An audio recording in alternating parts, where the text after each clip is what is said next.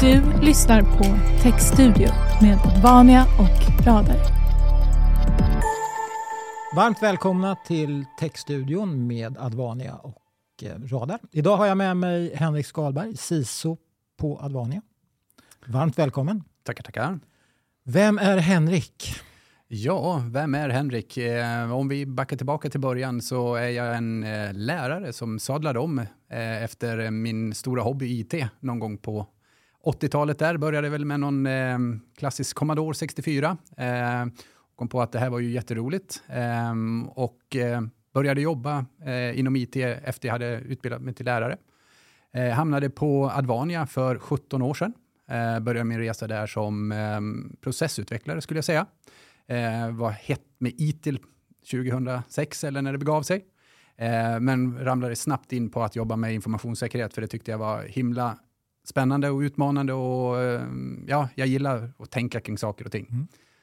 Um, och det var ungefär absolut inte hett förrän uh, 2012, 13 någonting. Då började det komma upp på agendan och då fick man jobba med det.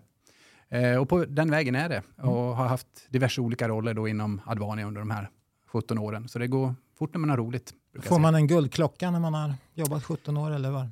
Nej, man får jobba mer bara tror jag. Okay. Um, ja, du har ju egentligen du har bytt 12 veckors semester och ledighet till att jobba dygnet runt. Ja, det är mm. väl så det blir, det, tänker jag. Det är klokt. Um, du säljer verkligen in det här med att vara CISO. uh, varmt välkommen som sagt var. Uh, vi har i de tidigare avsnitten diskuterat identitetshantering och vi har diskuterat integration. Eh, och båda de här eh, områdena touchar ju egentligen flöden i en verksamhet och idag så ska vi prata informationssäkerhet eh, som ju också påverkar och påverkas av flöden. Men innan vi hoppar in i det här området, var står Sverige egentligen säkerhetsmässigt idag då? Mm. April månad 2023. Um, ehm, jag tycker att vi har tagit oss lite i kragen eh, senaste året med tanke på allt som har hänt i omvärlden. Eh, vi börjar vakna till eh, och ta tag i saker och ting, men vi är fortfarande inte där vi borde vara, tycker jag. Eh, sen kanske det ligger i mitt yrke att jag aldrig kommer vara nöjd, men jag ser att det finns saker vi borde göra. Vi gör lite grann samma misstag gång på gång och lär oss inte av vad som händer omkring oss. Men trenden är åt rätt håll och jag tror mycket har att göra med det geopolitiska läget vi har idag. Mm. Eh, att vi tvingas helt enkelt att eh, röra oss framåt mm. på ett annat sätt mot vad vi har gjort tidigare. Det här är ett rätt svårt område om man, om man liksom jämför med kanske andra segment inom it-området. Om det går att segmentera saker och ting idag. Eh, var slutar och var börjar informationssäkerhet egentligen? Ja, eh, det är ju det som är så bra. För jag kan ju alltid, vad du än säger så kan jag säga att det har med informationssäkerhet att göra. Så det täcker ju verkligen allt. Eh, från min, mitt perspektiv så har vi en tendens att fortsatt fokusera väldigt mycket på teknik när det gäller informationssäkerhet. Vi tänker, ja men vi använder de här systemen eller de här tjänsterna ska användas för informationshantering. Men eh, vi har ju andra saker i det här också som vi människor eh, och de regler vi sätter för hur vi ska hantera information och de här tre måste samverka på något sätt. Mm. Um, så för mig så täcker det det mesta och inkluderar mer än bara teknik skulle jag säga. Mm. Vi på Radar vi mäter ju cybersäkerhetsmognad. Det är ett index och det här indexet är ju egentligen uppbyggt av strategiska eh, delar, operativa delar och tekniska delar. Och eh, vi, vi ser ju att Sverige är, precis som du säger, i en positiv trend. Det vill säga, saker och ting rör sig i rätt riktning, mer resurssättning eh, och också en ökad mognad då, att kunna hantera dagens säkerhetsläge. Men den här rapporten visar ju att 43 procent idag är på tillräcklig mognadsnivå för att möta dagens hotbild. Ja. Eh, och det, vi kan ju vara glada att den har gått från 26 till 43 procent men det är fortfarande så att nästan 6 av 10 inte är det. Stämmer det här överens, tycker du, med, med den bilden du sitter med? Mm, det skulle jag säga. Um, vi har en bra bit att gå. Um, många, och, och, jag tror att det här hänger ihop med att vi, vi är inte mogna att jobba säkerhetsmässigt. Vi tänker att det finns teknologier som löser det här. Vi har många bra eh, företag och människor här ute i säkerhetsbranschen som jobbar och pushar lösningar. Men vi glömmer den här delen att vi människor ska jobba i det här och ha accept för det vi jobbar inom. Eh, och då blir det att eh, vi, vi förlitar oss mycket åt teknologihållet och då, då tänker vi att ja, men eh, ja, vi, vi, det här löser sig. Det drabbar kanske inte oss heller, för vi, vi har ju pratat med vår partner och de har hjälpt oss. Då. Mm. Um, och så jag, jag, ser ju att med tanke på den mängden attacker vi har mot oss idag, um, vi har aldrig haft så mycket cyberattacker som vi har idag, så, så måste vi ta de här sista 60 procenten också upp till en bra nivå. Mm. Uh, för um, följ bara dagspressen, det är ju i stort sett varje dag uh, vi är utsatta för någon attack som kommer upp på den nivån. Mm. Men vi har alltså högst eller störst mognad inom det tekniska området, det vill säga vi är duktiga på att köpa ja. prylarna som ska göra jobbet. Eller sälja. Vi, eller sälja prylarna som ska göra jobbet. Eh, men om vi skulle flytta fokus från tekniken då, över till medvetenhet då, eller organisation, kultur. Vad? Ja. Eh, och det är den som jag i min roll kanske jobbar allra mest med. Eh, för det finns väldigt många som säljer teknologier eh, och, och förlitar sig på det. Men det var som jag nämnde att vi måste ju ha accept och förståelse till varför vi jobbar som vi gör med de här teknologierna. För det finns i mitt huvud två sätt att nå eh, säkerhet. Eh, det ena är att man har övervakning och kontroll och det är den vi ofta har jobbat med med teknologier för vi tror att ja, men vi, vi kontrollerar all data in och ut. Vi, vi sätter regler för användare. Eh, men det vi missar då, det är ju att det finns ju alltid ett behov ute i verksamheten som kanske inte matchar mot övervakningen och kontrollen. Och då kommer vi, om vi inte har ett, en säkerhetskultur som jag kallar det, alltså att vi tänker i de här frågorna, hitta andra lösningar, för behovet försvinner ju inte. Mm. Vi måste ju lösa vår uppgift och då gör vi det på ett annat sätt som inte vi har tänkt med vår övervakning och kontroll. Mm. Och därför måste vi få in eh, en bättre säkerhetskultur, som jag kallar det då, i våra, hos våra användare och våra organisationer. Just det. Uh, just informationssäkerhet är ju rätt mycket mer komplext kanske, tycker jag, än, än, än en del andra områden. Och här ligger ju även möjligheten att påverka möjligheten att manipulera. Alltså all information och all data kanske inte är sann information och sann data. Nej. Så att, eh, det är inte bara det att man ska hålla på och balansera intrång eller attacker. Man ska ju dessutom syna korten på något sätt också. Definitivt. Eh, och där har vi alla de påverkanskampanjer som pågår. Eh, vi måste säkerställa att den information vi har tillgång till är korrekt och vi kan lita på den. Eh, för ofta också när vi jobbar informationssäkerhetsmässigt så tänker vi sekretess bara de som ska se den här informationen ska få ta del av den. Då.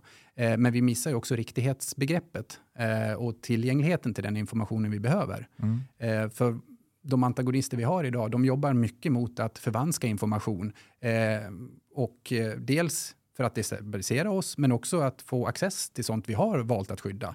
Eh, phishing är ett vanligt exempel på det, eh, där man försöker lura någon att ja, men du ska lita på mig, eh, jag är trovärdig. Eh, och så lyckas man då övertyga användare eller organisationer om det här och så har man ett lyckat intrång och en cyberattack som följd. Mm. Känner du av, eller känner ni av, eller du av i din roll, att de här volymerna ökar? Definitivt. Um, det, det, vi hade ett litet, en liten svacka precis efter Ukraina-krisen började. Då, um, då vissa element hade annat att göra gissar jag. Eh, men det där har ju kommit tillbaka nu då att de här elementen har ju tränat i ett och ett halvt år, utvecklat sina teknologier och nu börjar använda dem mot andra eh, nationsstater än de som är involverade direkt i konflikten. Mm. Eh, och sen är det som vanligt att först kanske det är statsfinansierade aktörer som tar fram någonting och sen sprids det här till en kriminell svans eh, som också börjar sprida det brett. Det. Så jag ser bara att det kommer att gå uppåt de mm. närmaste, eh, den närmaste tiden. Mm. Och det politiska svaret är ju ofta lagstiftning. Eh, och eh, nu står vi ju inför en ny EU-lagstiftning, NIS 2. Vad kan vi säga om den? Eh, jag kan säga lite grann, vad ska jag säga, äntligen.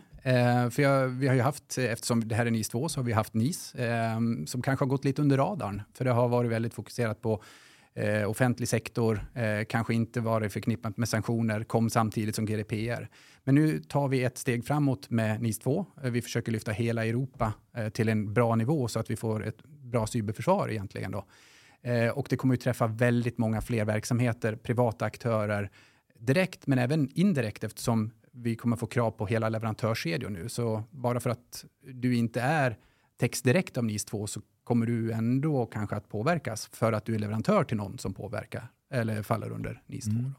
Ja, med NIS så var det nog många som, som eh, resonerade. Det här drabbar ju offentlig sektor och, och myndighets-Sverige i mångt och mycket. Men med NIS 2 så står vi ju inför en rätt stor konsekvens inom den privata sektorn också. Det vill säga hela samhället ska ju fungera. Definitivt. Och eh, det är där det kommer börja handla om. Då. Ja.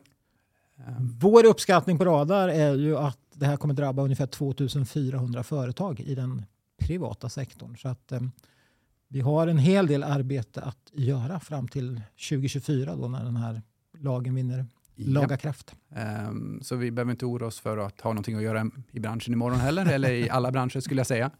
Uh, och, men jag ser på det hela att det här är någonting positivt. Um, vi försökte med NIS 1, om vi kallar det så, då, uh, att få till det här på eget initiativ lite grann. För om man jämför NIS och GDPR, den ena har fått stort genomslag, den andra har inte fått det. Um, om jag ser på det krasst så beror det på att den ena har en stor sanktion kopplad till sig. Nu får vi det verktyget även för att driva på utvecklingen med NIS 2 och alla organisationer måste jobba med det här för annars riskerar man sanktion då. Uh, tyvärr är det så vi behöver jobba. Mm. Uh, jag önskar att det vore tvärtom, att vi gjorde det av egen fri vilja då. Mm. Men uh, här får vi en liten piska helt enkelt. Mm. Men du är ju väldigt, du är positiv inställd till NIS 2 och det finns ju kanske en risk att bara för att man blir compliant någonstans så tror man att man, är, man har klarat resan. Liksom. Ja, um, det är ju också en del i den här problematiken kan jag tycka att uh, vi har ett tankesätt, kanske kulturellt kopplat till Sverige också, att ja, men bara vi checkar i alla boxar här uh, i all compliance, då är allting safe. Um, jag brukar ta upp exemplet, ta GDPR, vi håller datan i Europa, då, då är den säker, för då, då är ju integriteten, det är ingen som kommer åt den. Uh, vi har ingen tredje landsöverföring. Men vi har ju massvis med exempel på eh, annan underrättelseverksamhet som bedrivs mot Europa eh, mm. som kan komma åt den här datan ändå. Eh, har gjort genom, det finns ju flera exempel genom eh, de senaste åren eh, där det har visat sig att data har läckt. Eh, men också så finns det ju andra verktyg att komma åt den informationen med eh, multilaterala samarbetsavtal och så vidare mellan stater som är utanför och innanför EU. Just det. Eh, så bara för att man är compliant innebär det inte att din data är säker, utan man måste ju alltid jobba med att tänka på vilken data lagrar jag var, hur mycket ska jag skydda den, hur, vad kan jag förlora, hur nära ska jag hålla den? Mm. Eh, så det här som är riktigt, riktigt känsligt bör man ju överväga väldigt noga hur nära man vill ha det då. Men liksom, det här blir, nu börjar det bli intressant.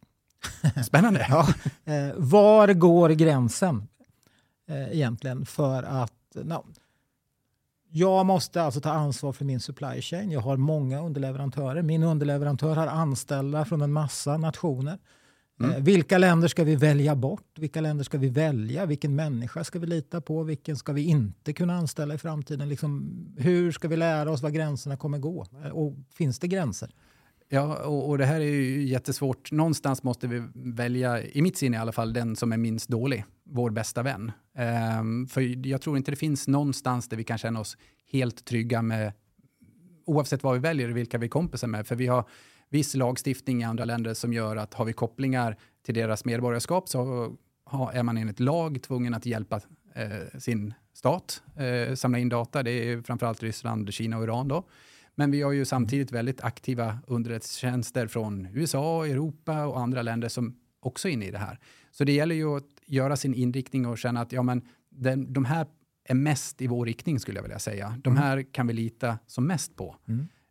Um, och, och jag tror att det här drivs ju på det geopolitiska planet. Var vi hamnar, vilka allianser vi hamnar i, eh, vilka vi kan lita på.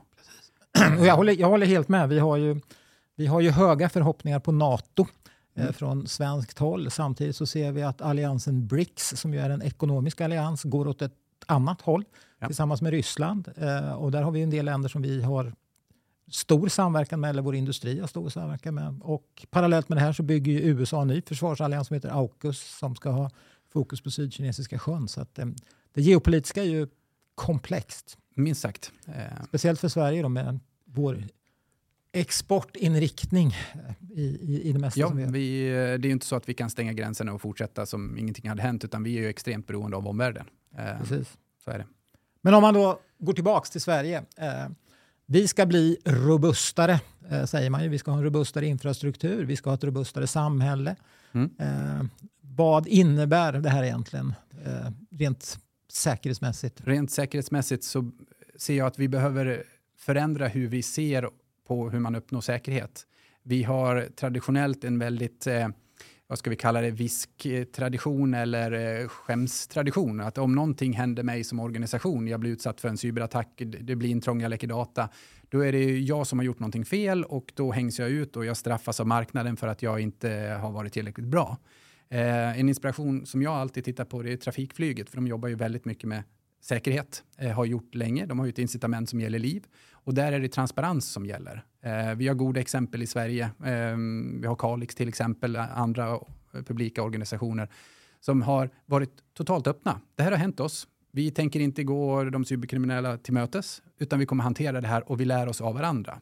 När vi kommer dit, då kommer vi gemensamt kunna stärka det här, plus att vi får stöd av reglering, då, typ NIS 2 och andra direktiv, som gör att vi kan lyfta oss mer. Men vi mm. måste komma bort från att eh, utsätta dem som drabbas för någonting av skam och straff för att de blir utsatta för ett brott egentligen. Just det. Jag. Nej, men vi, vi upplever ju också att vi har någon form av viskningslek mm. Eh, inom ett område som är så otroligt eh, strategiskt att egentligen samverka inom. Så att här har vi ju fortfarande en, en resa kvar att göra. Så när, när vi på Radar tittar på det här i alla fall, då ser ju vi att antalet incidenter ökar, antalet attacker ökar. Eh, jag tror vi mätte det till över 40 procents tillväxt eh, på över de senaste 12 månaderna nu. Mm. Samtidigt så ser vi att antalet anmälda incidenter minskar. Mm. Och för mig är det en indikation på precis det här ja. att eh, händer någonting mig, då håller jag tyst om det för då skadas jag inte.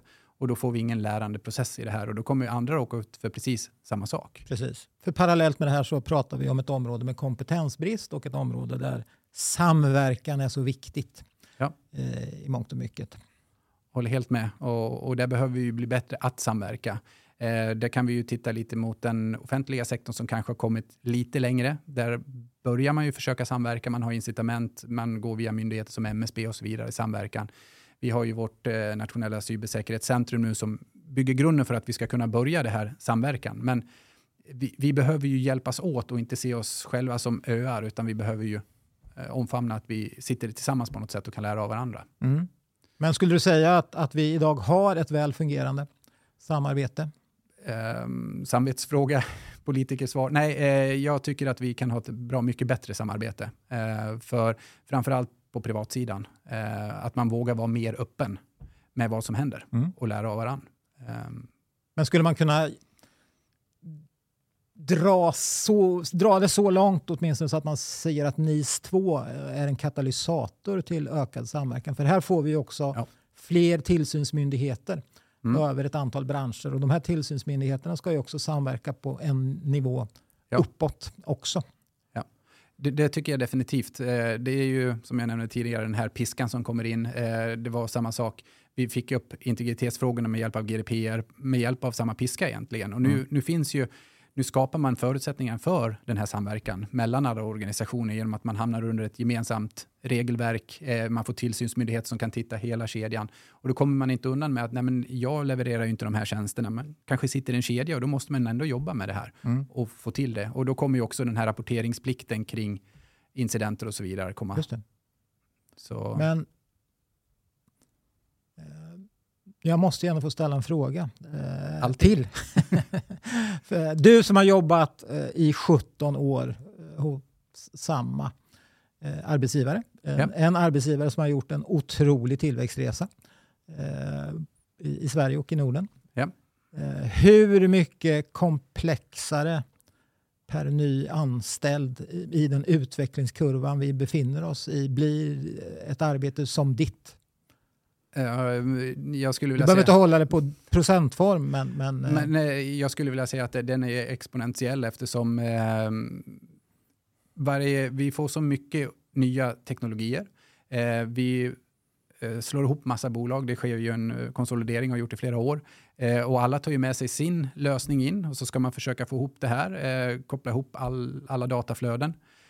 och, och det gör ju det väldigt mer komplext. Å andra sidan så eftersom jag har jobbat så länge som jag har gjort, så när jag började jobba inom it-branschen så pratade vi om att nej, men vi ska inte klicka på länkar i mail som vi inte känner till var de går. Det är alltså 25 år sedan.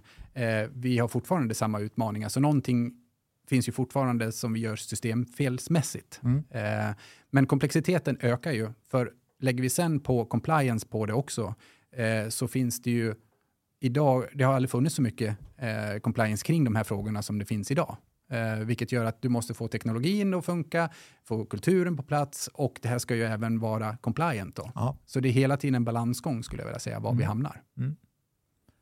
Men ett företag som Advania kommer omfattas av NIS 2-lagstiftningen som en aktör i den digitala ekonomin. Jajamän, Ni kommer också omfattas eh, som underleverantör till rätt många viktiga myndigheter och företag i Sverige. skulle jag säga. Eh, kräver det här mycket förberedelser?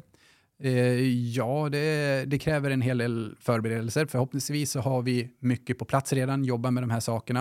Eh, men det handlar ju om att få allting på plats med tillsynsmyndigheter, samverkansforum, alla de här bitarna. Det är det som saknas. Och Mm. med ett drygt år på oss, det, det är inte mycket tid. Nej. Ehm, så ehm, som vanligt, man skulle ha börjat lite tidigare eh, för att ha lite mer tid. Men jag tror att på ett år bör man kunna ordna det här. Det, det sista osäkerheten jag har, det är ju att vi vet ju inte riktigt än hur svenska lagstiftningen kommer att bli. Eh, senast såg jag någon gång i början av nästa år Mm. kan vi få en inriktning att så här blir det. Eh, men en grundläggande bra och robust cybersäkerhet kan du bygga utan NIS 2. Eh, så börja med den redan nu istället för att vänta till hur lagstiftningen blir. Utan börja med grundnivån, det, det kommer aldrig vara fel. Nej, nej. kloka ord. Eh, och jag tror att ehm, ni är rätt tidiga på bollen om man ska jämföra med eh, många andra branscher eh, just nu som vi är ute och eh, arbetar hos och, och hjälper inom, det här, inom de olika säkerhetsområdena. Vad har jag glömt att fråga om? Ja, det finns ju hur mycket som helst. Um, ingenting som är top of mind. Um, du var inne och nämnde kring kompetensbrist. Uh, där kan jag göra ett medskick att vi har en tendens att tänka, eftersom vi kommer från det tekniska hållet, att vi bara letar teknikpersoner. Uh, det finns väldigt mycket att vinna att titta utanför det traditionella IT Mm. för att jobba med säkerhet, för att jobba med kultur. Vi behöver compliance, vi behöver jurister, eh, vi behöver riskhanterare, vi behöver mängder med annan kompetens som kan lyfta de delarna som inte är rent IT-relaterade. För ibland så tror vi att vi löser alla mänskliga problem med tekniken och det kommer vi inte göra. Och därför behöver vi annan kompetens också än den vi primärt ofta letar efter. Jättebra. Eh, Jag brinner ju för säkerhetsområdet och, och ehm, med förflutet från försvarsindustrin så är ju så här superspännande saker att, att prata och samtala om så att jag uppskattar samtalet. Ehm, Stort tack för att du kom hit idag. Ja, det är jag som tackar att jag får prata av mig om det som jag brinner för. Det har varit en ära att få göra det. Och eh, Nästa avsnitt i Textstudion kommer släppas den 24 maj och då ska vi prata om molntjänsteområdet. Så vi tackar för oss. Tack Henrik och eh, tack alla lyssnare. Tack så mycket.